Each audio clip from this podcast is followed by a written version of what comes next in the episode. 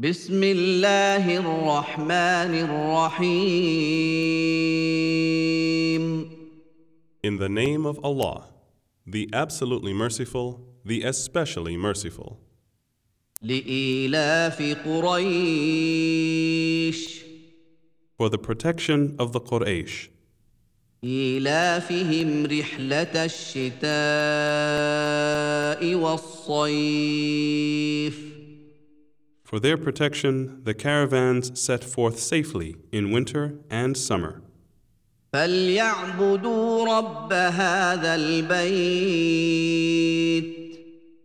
So let them worship the Lord of this house, الذي أطعمهم من جوع وآمنهم من خوف